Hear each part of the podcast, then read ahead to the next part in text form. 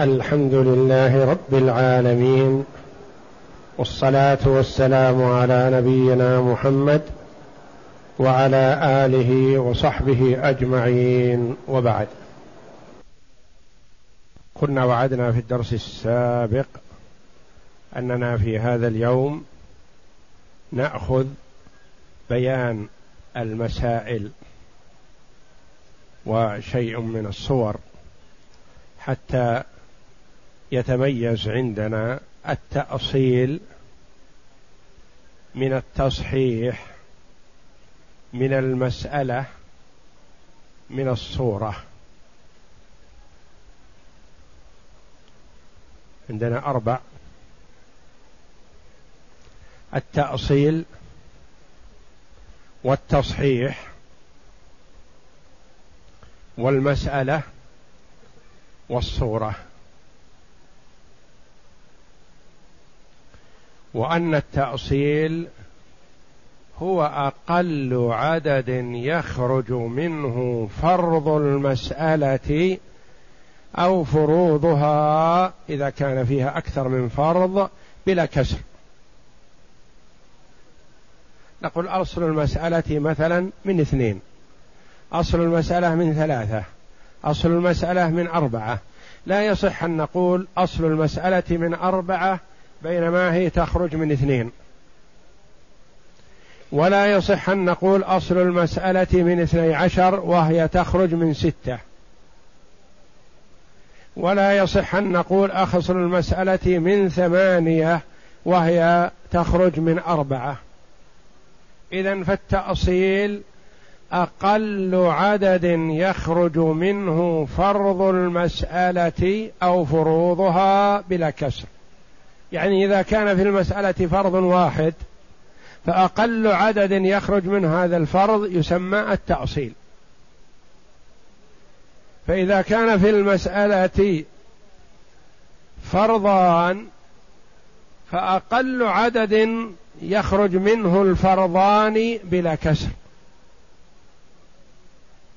إذا كان في المسألة فرضان فأكثر قد يخرج أحد فروضها من عدد أقل. لكن الفرض الثاني لا يخرج. يخرج الفرض الثاني من عدد أقل من مجموع الاثنين لكن الفرض الأقل ما يخرج.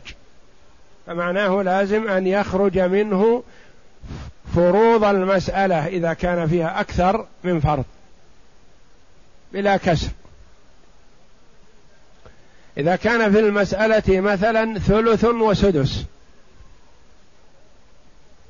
ثلث وسدس. الثلث يخرج من ثلاثة. والسدس يخرج من ستة. والثلاثة داخلة ضمن الستة. فنأخذ العدد الذي يشمل الاثنين. إذا كان في المسألة ربع وسدس مثلا فالربع يخرج من أربعة. والسدس يخرج من ستة. إذا أخذنا الأقل ما خرج الأكبر. إذا أخذنا الأكبر ما خرج الأقل. ننظر بين الاثنين فنجد بينهما موافقة بالنصف فنقول إذا كان في المسألة ربع وسدس يتفقان على الاثني عشر. وهذا هو أصل المسألة وليس مصح. بل هو أصل. الربع والسدس يخرجان معا من اثني عشر لأن للاثني عشر ربع وهو ثلاثة ولي الاثني عشر سدس وهو اثنان. هذا التأصيل. وأما التصحيح فسيأتي إن شاء الله البحث فيه وحده. في دروس قادمة إن شاء الله وهو الذي يخرج منه نصيب الوارث بلا كسر. لأن التأصيل يخرج منه الفرض وقد يجتمع في الفرض عشرة أشخاص أو أكثر من ذلك. مثلا إخوة لأم عشرة مثلا. فرضهم الثلث. يجتمعون في الثلث. اللي يخرج منه نصيب كل واحد من العشرة يسمى تصحيح كما سيأتينا. أخوات لأب قد يكن عشرين. أخت لأب. من أمهات شتى. كلهم متساويات مع هذه الميتة. ففرضهن الثلثان. إذا كانت المسألة من ستة فرضهن الثلثان أربعة. أربعة وهن عشرين. استخراج نصيب كل واحدة على حدة يسمى تصحيح. لا تأصيل. تأصيل إخراج الفرض. تصحيح إخراج النصيب كامل. نصيب الوارث. وهذا سيأتي إن شاء الله. وأما المسألة فهي تعيين الفرض أو الفروض مع قطع النظر عن مستحقه. تعيين الفرض أو الفروض. نقول عندنا مسألة فيها ربع وسدس. عندنا مسألة فيها سدس. عندنا مسألة فيها ثلث. عندنا مسألة فيها ثلثان وثلث. هذه تسمى مسائل. إذا عين الفرض وعين مستحقه أصبحت صورة فالمسألة تعيين الفرض بصرف النظر عن مستحقه. الصورة تعيين الفرض ومستحقه. والمسألة يدخل ضمنها مجموعة صور ولهذا المسائل تسع وخمسون مسألة في الفرائض. الصور قل ولا حرج. بحسب الفروض الصور بحسب الفروض تزيد عن ستمائة. وبصرف النظر عن الفروض يتأتى ما لا نهاية له إذا كان تعصيب.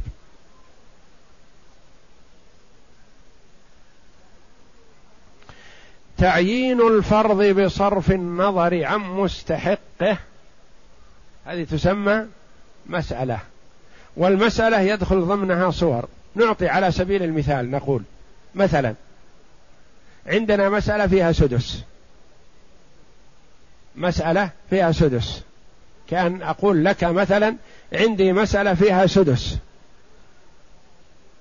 تقول المسألة اللي فيها سدس من ستة. خلاص هذه مسألة. هذه المسألة يدخل ضمنها صور كثيرة. مثال ذلك هذه المسألة التي فيها سدس. إذا قلت لي مثلا من صاحب السدس؟ أقول لك جدة. مثلا. مسألة فيها سدس. من هو صاحب السدس؟ جدة. مسألة. هي نفسها فيها سدس. من صاحب السدس؟ أخ لأم. هذه صورة.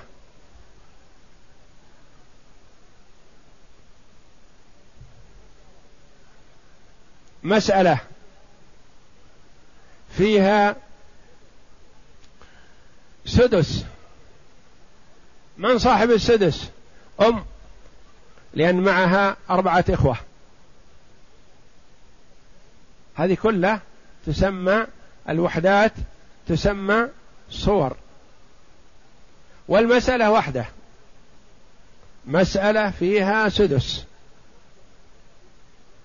ممكن أن تأتي بجميع أصحاب السدس في هذه المسألة. أم تأخذه مع مجموعة من الإخوة. جدة كذلك تأخذه مع مجموعة من الورثة من العصبة. أخ لأم أو أخت لأم. أخ لأم مسألة. أخت لأم مسألة. جدة مسألة. التي هي أم الأم. أم أبي الأم هذه ما ترث أم أبي الأب مسألة. أم أم أم مسألة. وهكذا. فالمسألة هي تعيين الفرض بصرف النظر عن مستحقه. والصورة تعيين الفرض مع مستحقه. من هو؟ إذا فالمسألة كالأم. والصورة كالفروع لهذه الأم. مسألة فيها فر فيها سدس. مسألة فيها سدس.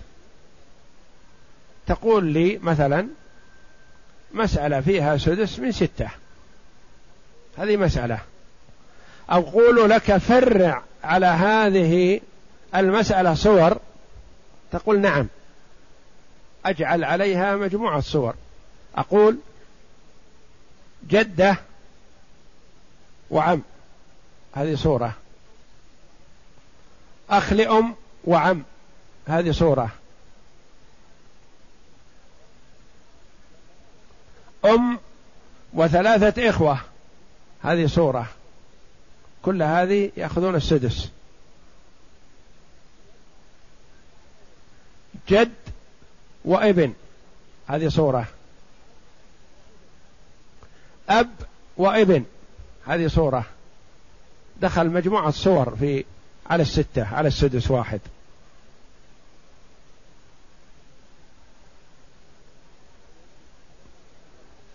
اولا علينا أن نتصور التمييز بين المسألة والصورة.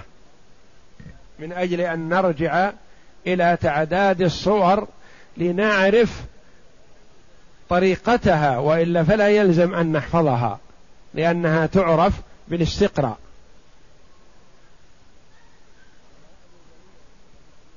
الفوائد الجلية للشيخ عبد العزيز بن باز رحمه الله تعالى ذكر المسائل التسع والخمسين مسألة. ولا يلزم أن نحفظها لكن علينا أن نعرف الطريقة في استنباطها. كيف تطلع المسائل؟ والصور تزيد عن ستمائة ما علينا منها. يعني أي فر... أي قسمة فرضية فهي صورة من الصور.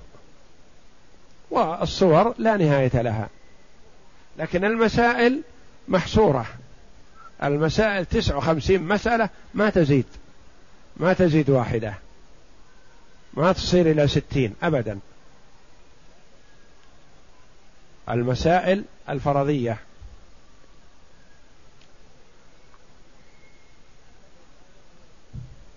أنا أكرر هذا من أجل أن نعرف نهضم الفرق بين المسألة والصورة. وأن المسألة بمنزلة الأم والصور فروع عنها. المسألة يدخل ضمنها صور كثيرة لأن المسألة فرض فقط.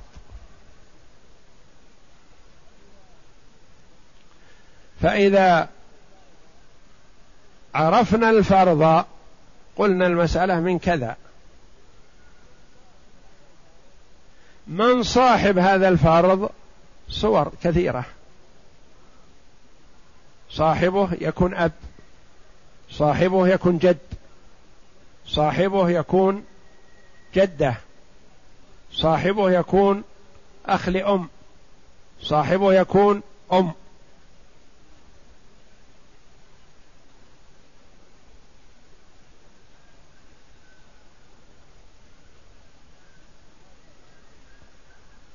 وهكذا فالصور تدخل ضمن المسائل.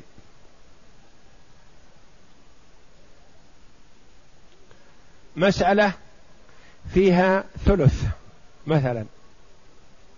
مسألة فيها ثلث. نعم.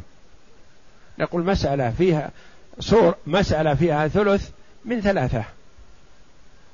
من ثلاثة. من صاحب الثلث يتعدد. صاحب الثلث يكون أم. صاحب الثلث يكون إخوة لأم. صاحب الثلث يكون جد.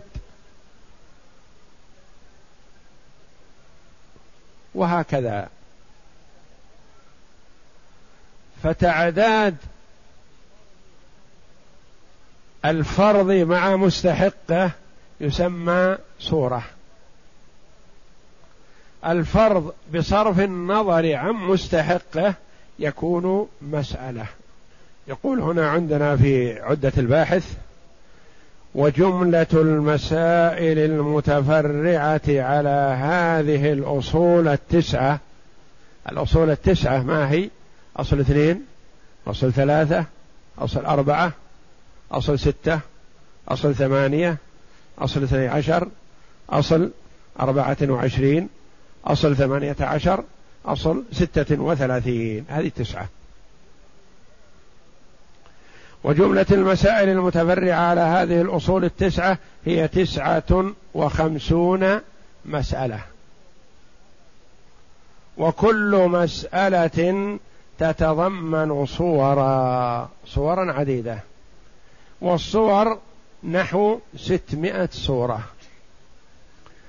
يقول رحمه الله في تعديد المسائل الممكنة من الأصول التسعة وهي تسع وخمسون مسألة. قال رحمه الله ففي أصل ستة عندنا الأصول.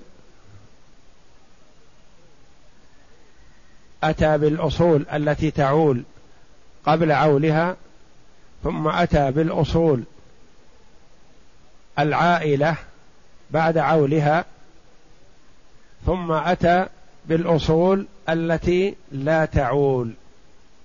فالأصول حينئذ تسعة. تسعة. أصل ستة. أصل ستة. متنوع. أصل ستة غير عائل.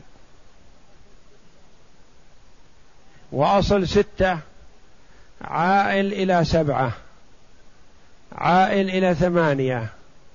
عائل إلى تسعة عائل إلى عشرة. وأصل اثني عشر غير عائل. و وأصل اثني عشر عائل إلى ثلاثة عشر عائل إلى خمسة عشر عائل إلى سبعة عشر. وأصل أربعة وعشرين غير عائل.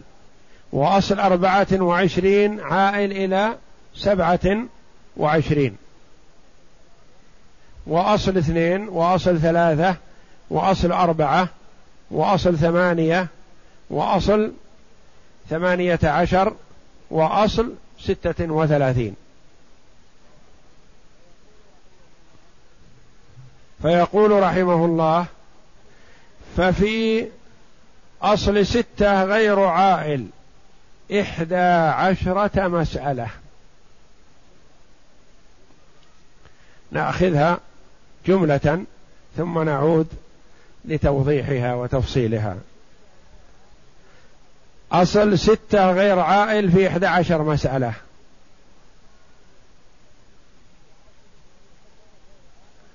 وأصل اثني عشر غير عائل في ست مسائل. وأصل أربعة وعشرين غير عائل في ست مسائل.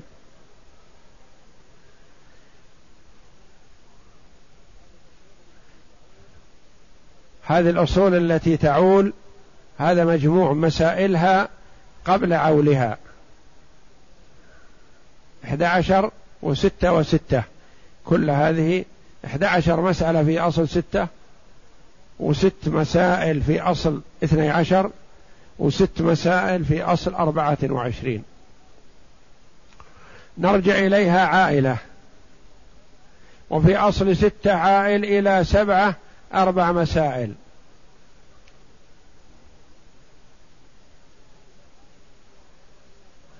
وفيه عائلا إلى ثمانية ثلاث مسائل. وفيه عائلا إلى تسعة أربع مسائل. وفيه عائل إلى عشرة مسألتان. وفي أصل اثني عشر عائلا إلى ثلاثة عشر ثلاث مسائل.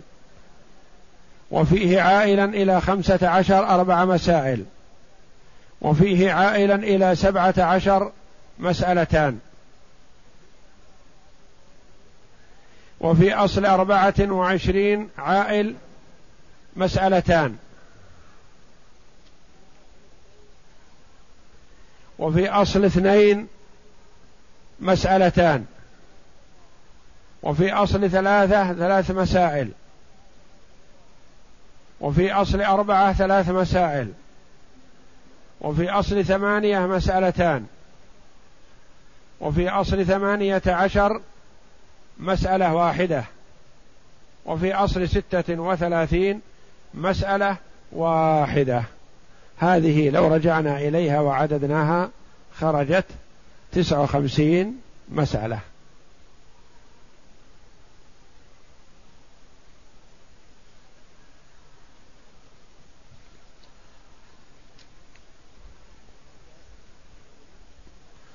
تصور معي أصل ستة. أصل ستة. فيه مسائل حالة كونه غير عائل. وفيه مسائل عائل إلى سبعة. وفي مسائل وهو عائل إلى ثمانية. وفيه مسائل وهو عائل إلى تسعة. وفيه مسائل وهو عائل إلى عشرة. يعني في أصل ستة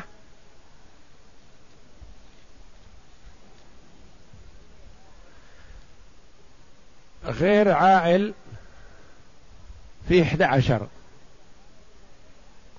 وفي أصل ستة عائل إلى سبعة فيه أربع.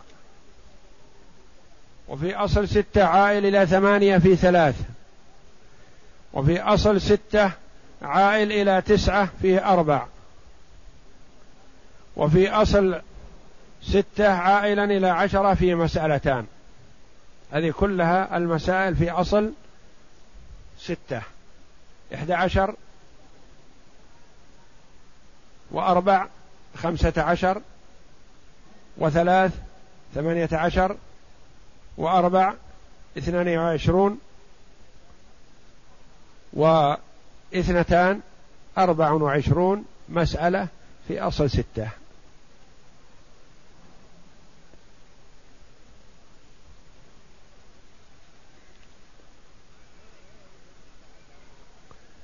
ما هذه الإحدى عشر في أصل ستة؟ غير عائل أصل ستة غير عائل قال يتصور فيه إحدى عشر مسألة.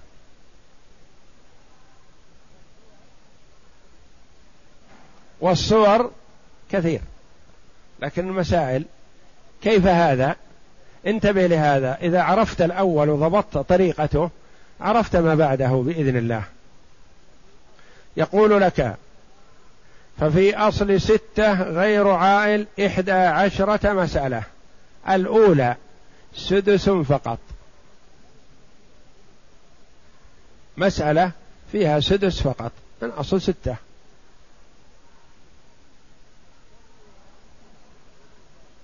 الثانية سدسان. الأولى سدس فقط. مثاله جدة وعم. هذا مثال ولا يتصور أكثر من هذا. جدة وعم. تستطيع تقول أخ لأم وعم. تستطيع تقول أم وخمسة إخوة. تستطيع أن تقول ابن وأب. تستطيع أن تقول ابن وأم. تستطيع أن تقول ابن وجد. ابن ابن وجد.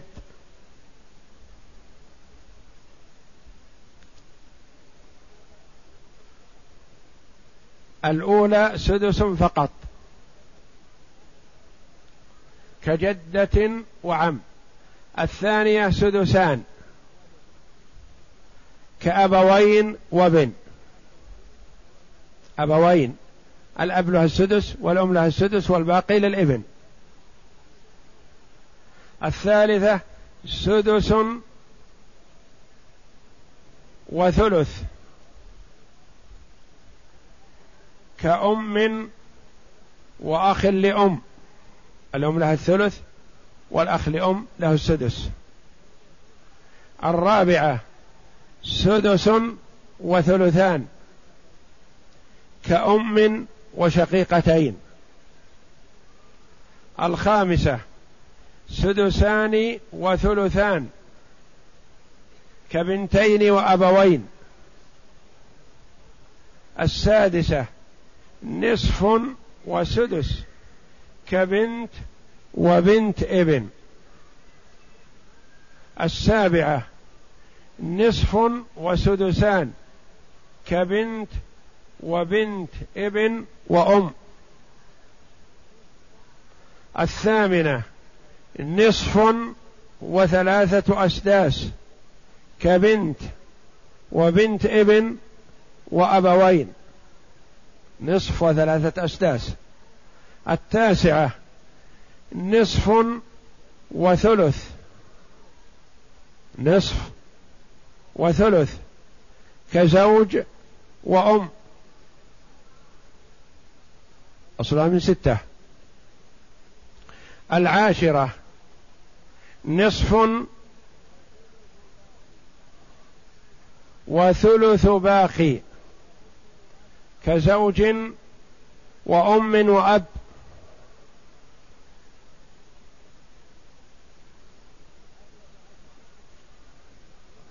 الحادية عشر.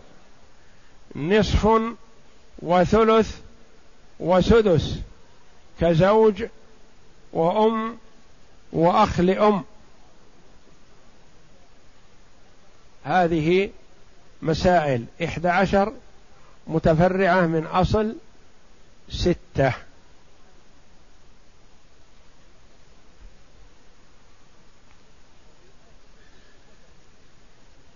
وفي أصل اثني عشر غير عائل ست مسائل.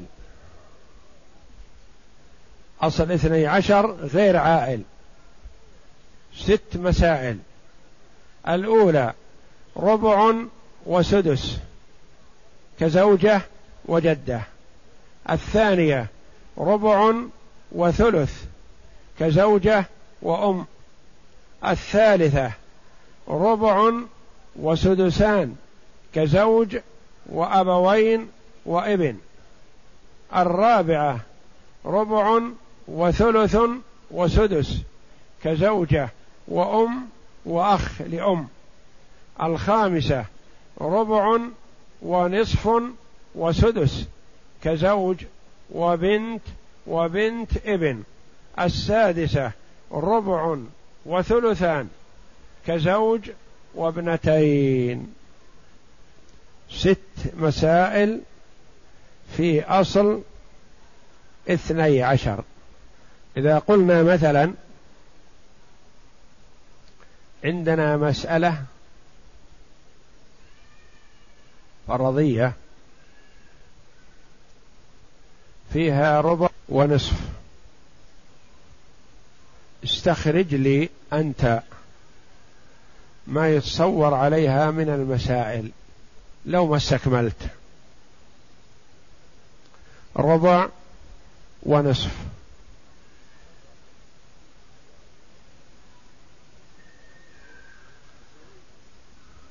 زوج نعم. زوجة و وأخت شقيقة صح. غيرها. زوج وبنت. هذه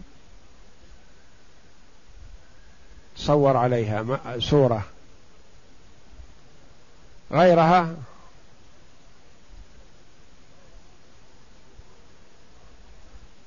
زوج وبنت ابن. بنت ابن لها النصف والزوج له الربع.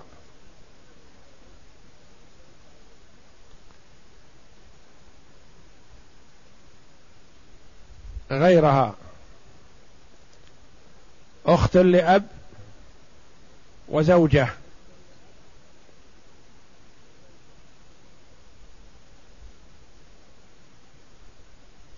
يعني المسائل التي تأخذ فيها الزوجة الربع واجعل معها صاحب نصف.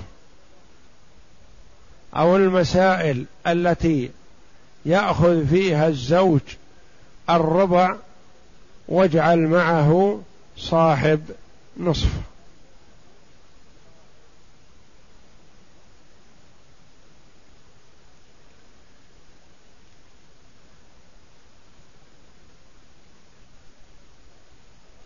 إذن فالمسألة هي تعيين الفرض بصرف النظر عن مستحقه. والصور الصورة تعيين الفرض ومستحقه.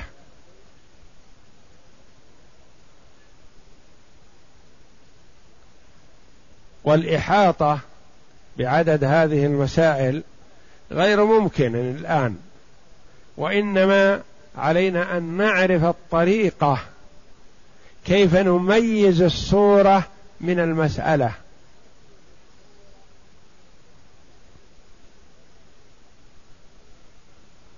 ربع وسدس. ماذا أسمي هذا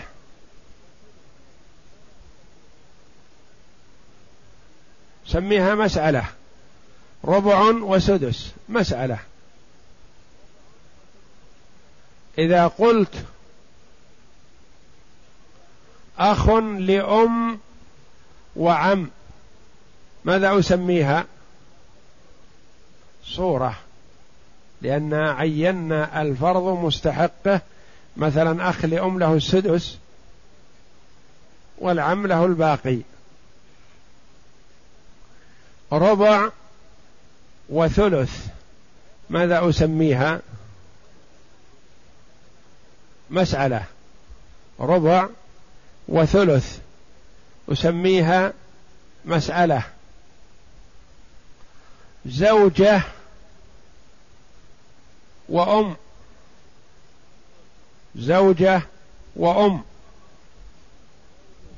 هذه صورة. إن الزوجة تأخذ الربع والأم تأخذ الثلث نفس المسألة. لكن يتصور عليها صور كثيرة.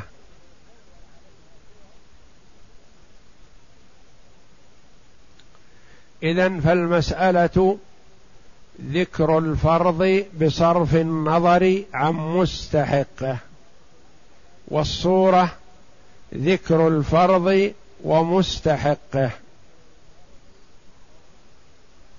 أخ لأم وعم. ماذا أسميها هذه؟ صورة.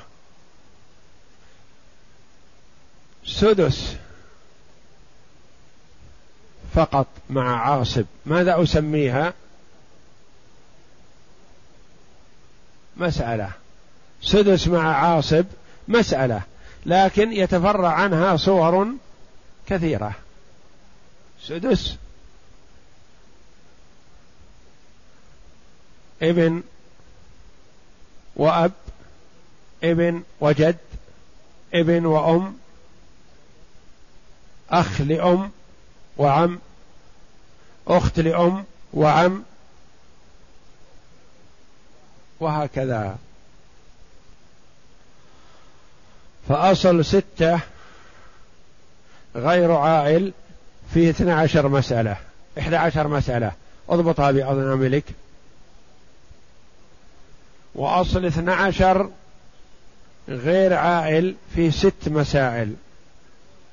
وأصل أربعة وعشرين غير عائل في ست مسائل. هذه كم صارت؟ إحدى عشر واثنى عشر ستة وست ثلاث وعشرون. وفي أصل ستة عائل إلى سبعة أربع مسائل. مع ثلاثة وعشرين صارت سبع وعشرون.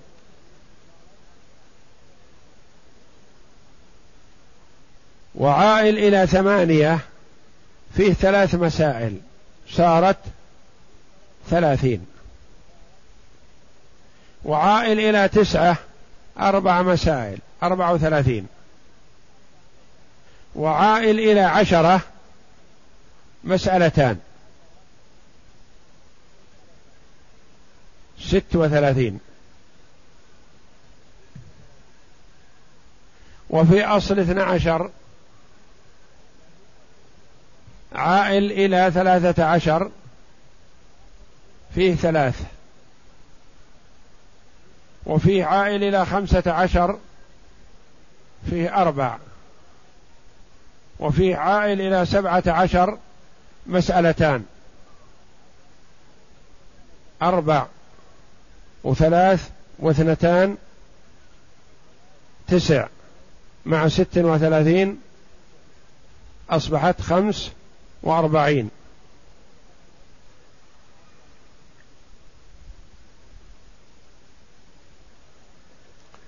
وفي أصل أربعة وعشرين عائل إلى سبع وعشرين مسألتان.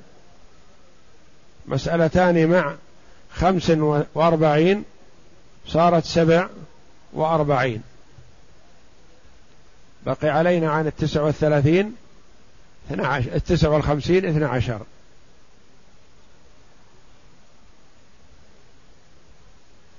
في أصل اثنين مسألتان. وأصل ثلاثة ثلاث مسائل. وأصل أربعة ثلاث مسائل.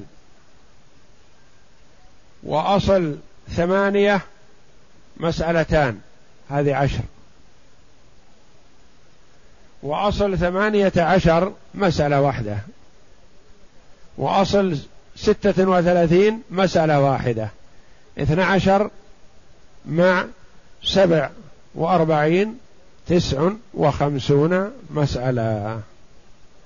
وهي موضحة في الفوائد الجلية للشيخ عبد العزيز بن باز رحمه الله.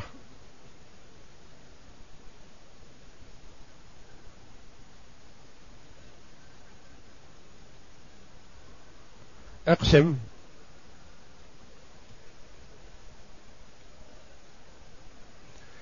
هلك هالك عن ابن وجد. المسألة من ستة. للجد السدس واحد والباقي للابن. هلك هالك عن أب وجد وابن. عن أب وجد وابن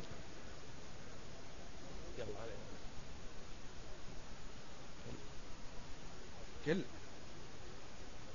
ارفع صوتك. من ستة. للأب السدس واحد. والجد يسقط. والباقي للإبن. ماذا نسمي هذه؟ نسميها مسألة أو صورة؟ صورة. هلك هالك عن أم وخمسة إخوة.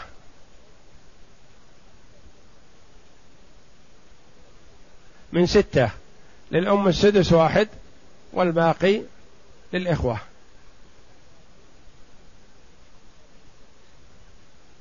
إذا قلنا مس عندنا سدس واحد وعاصب ماذا نسمي هذا؟ نقول مسألة.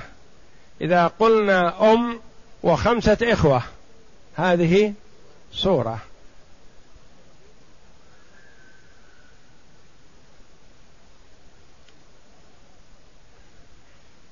هلك هالك عن أم وبنتين. المسألة من أم وبنتين. المسألة من ستة. للأم السدس واحد وللبنتين الثلثان أربعة والباقي لأولى رجل ذكر. هلك هالك. عن جدة وعم. من ستة للجدة السدس واحد وللعم الباقي تعصيبا. هلك هالك عن جده وأخ لأم وعم. المسألة من ستة. للجدة السدس واحد وللأخ لأم السدس واحد والباقي للعم. تعصيبا. وهكذا. فعلينا أن نميز بين المسألة والصورة. إذا ذكرنا الفرض بصرف النظر عن مستحقه فتلك مسألة. وإذا ذكرنا الفرض ومستحقه فتلك صورة. والله أعلم. وصلى الله وسلم وبارك على عبده ورسول نبينا محمد وعلى آله وصحبه أجمعين.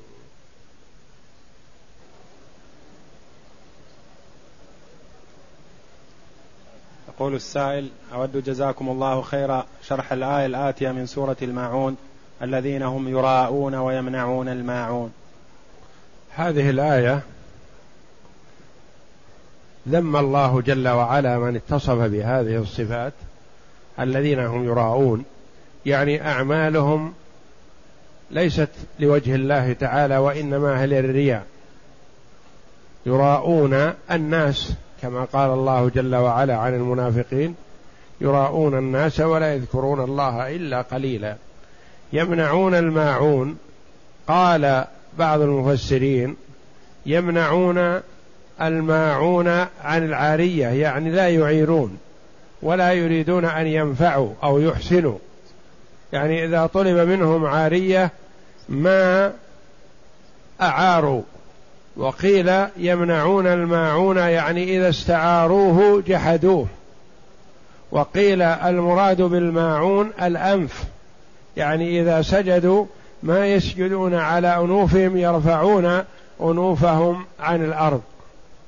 تقول السائلة ابني تخاصم مع زوجته فقال لها أنت علي حرام كحرمة أمي علي وبعدها تم الصلح بينهما فما الحكم؟ إذا قال الرجل لزوجته هي عليه حرام كحرمة أمه هذا ظهار. فإن استمر وتركها فارقها. وإن أراد أن يرجع فلا يحتسب هذا طلاقا وإنما عليه كفارة الظهار. وكفارة الظهار عتق رقبة. فإن لم يجد فصيام شهرين متتابعين. فإن لم يستطع أطعم ستين مسكينا. إذا أراد أن يرجع عن قوله واصطلح مع زوجته فعليه أن يكفر قبل أن يسترجعها.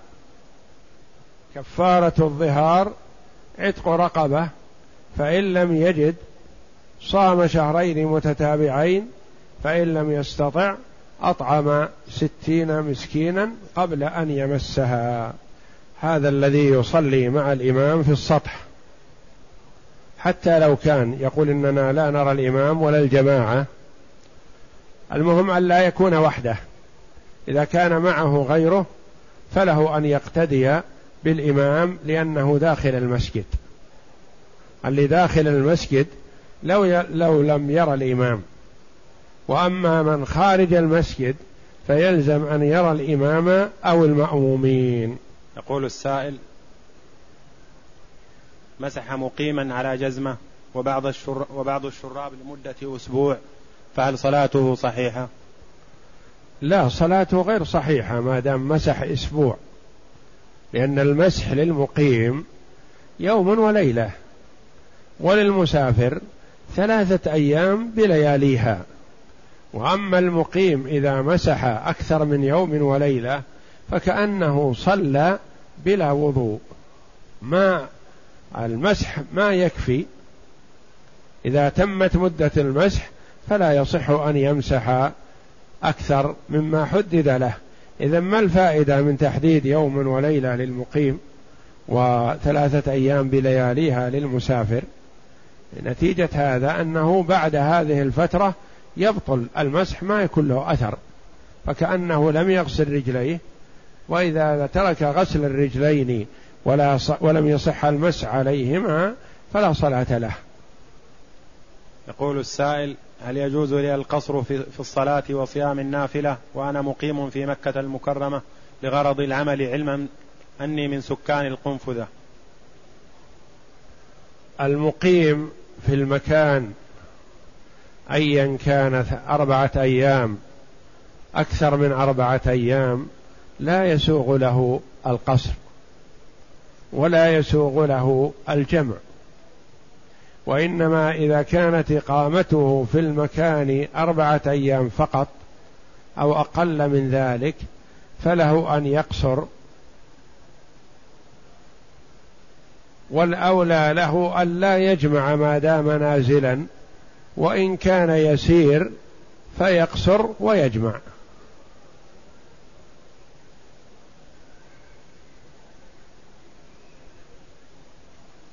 ويقول متى يتوضأ المريض بسلس البول في صلاة الجمعة؟ عند من يقول يدخل وقت صلاة الجمعة بدخول وقت صلاة الظهر لا يتوضأ إلا بعد الزوال. وعند من يقول إن وقت صلاة الجمعة يدخل بارتفاع الشمس قدر الرمح بعد طلوعها فيتوضأ من هذا الوقت. والأولى له خروجا من الخلاف.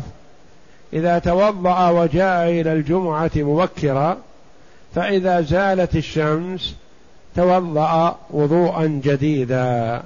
يقول هل التركة لا تقسم بين الز... بين الورثة إلا بعد أخذ حصة الزوجة أثناء العدة أم تقسم مباشرة؟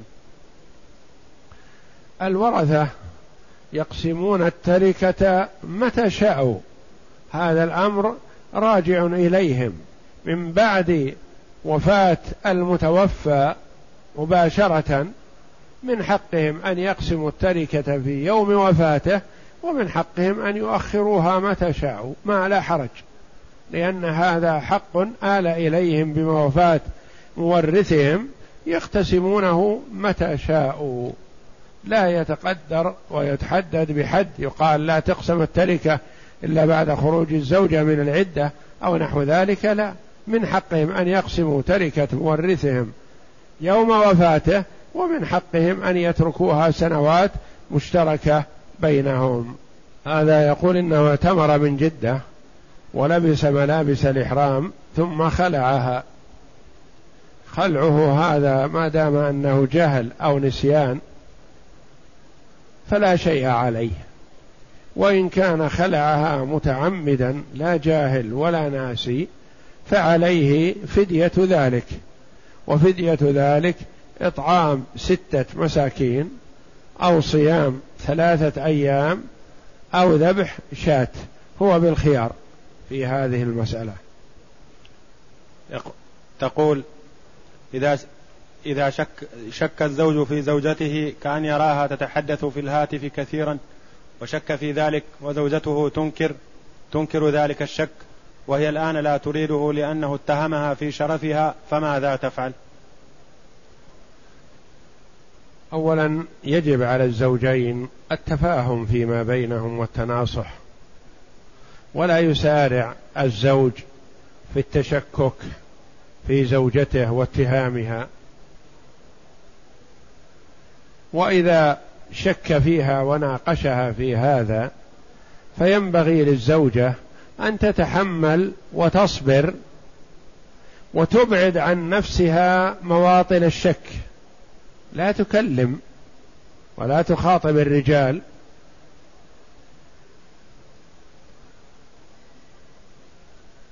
وإذا عرفت من نفسها أنها نزيهة ومحافظة واتهمها زوجها بشيء ناتج عن قوة غيرته عليها فلا ينبغي لها أن تسارع. هي في طلب الطلاق وأنها لا تريده ما دام تشكك فيها. لأنه ربما شك نتيجة زيادة الغيرة عنده. من غيرته عليها وحرصه عليها صار يتشكك. فهو لا ينبغي له أن يشك. وإذا شك فيها فالزوجة ينبغي لها أن تتحمل ذلك ولا تسارع في طلب الطلاق عند أول مناقشة بينها وبين زوجها.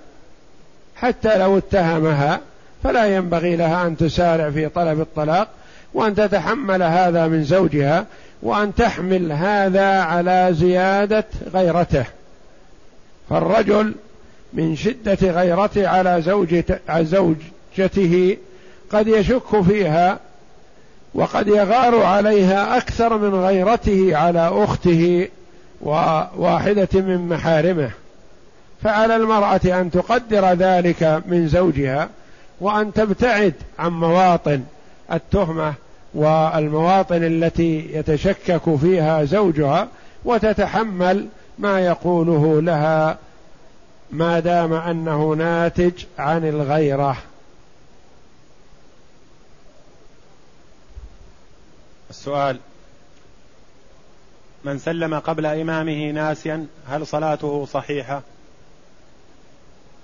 إذا سلم قبل إمامه ناسيا فعليه أن يرجع مكانه ويسلم بعد الإمام.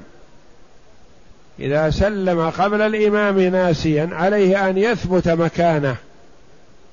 ولا يعتد بالسلام الذي قبل الإمام فإذا سلم الإمام سلم هو حينئذ. يقول رجل يأخذ دلالة على الريال ريال واحد. هذا ما هو معقول ومن يقر على هذا؟ يعني إذا باع عليه بعشرة أخذ هو عشرة زيادة على الريال ريال سواء قلت الكمية أو كثرت. السعي معروف ومصطلح عليه بين الناس ومن خرج عن العرف يرد إليه. والله أعلم.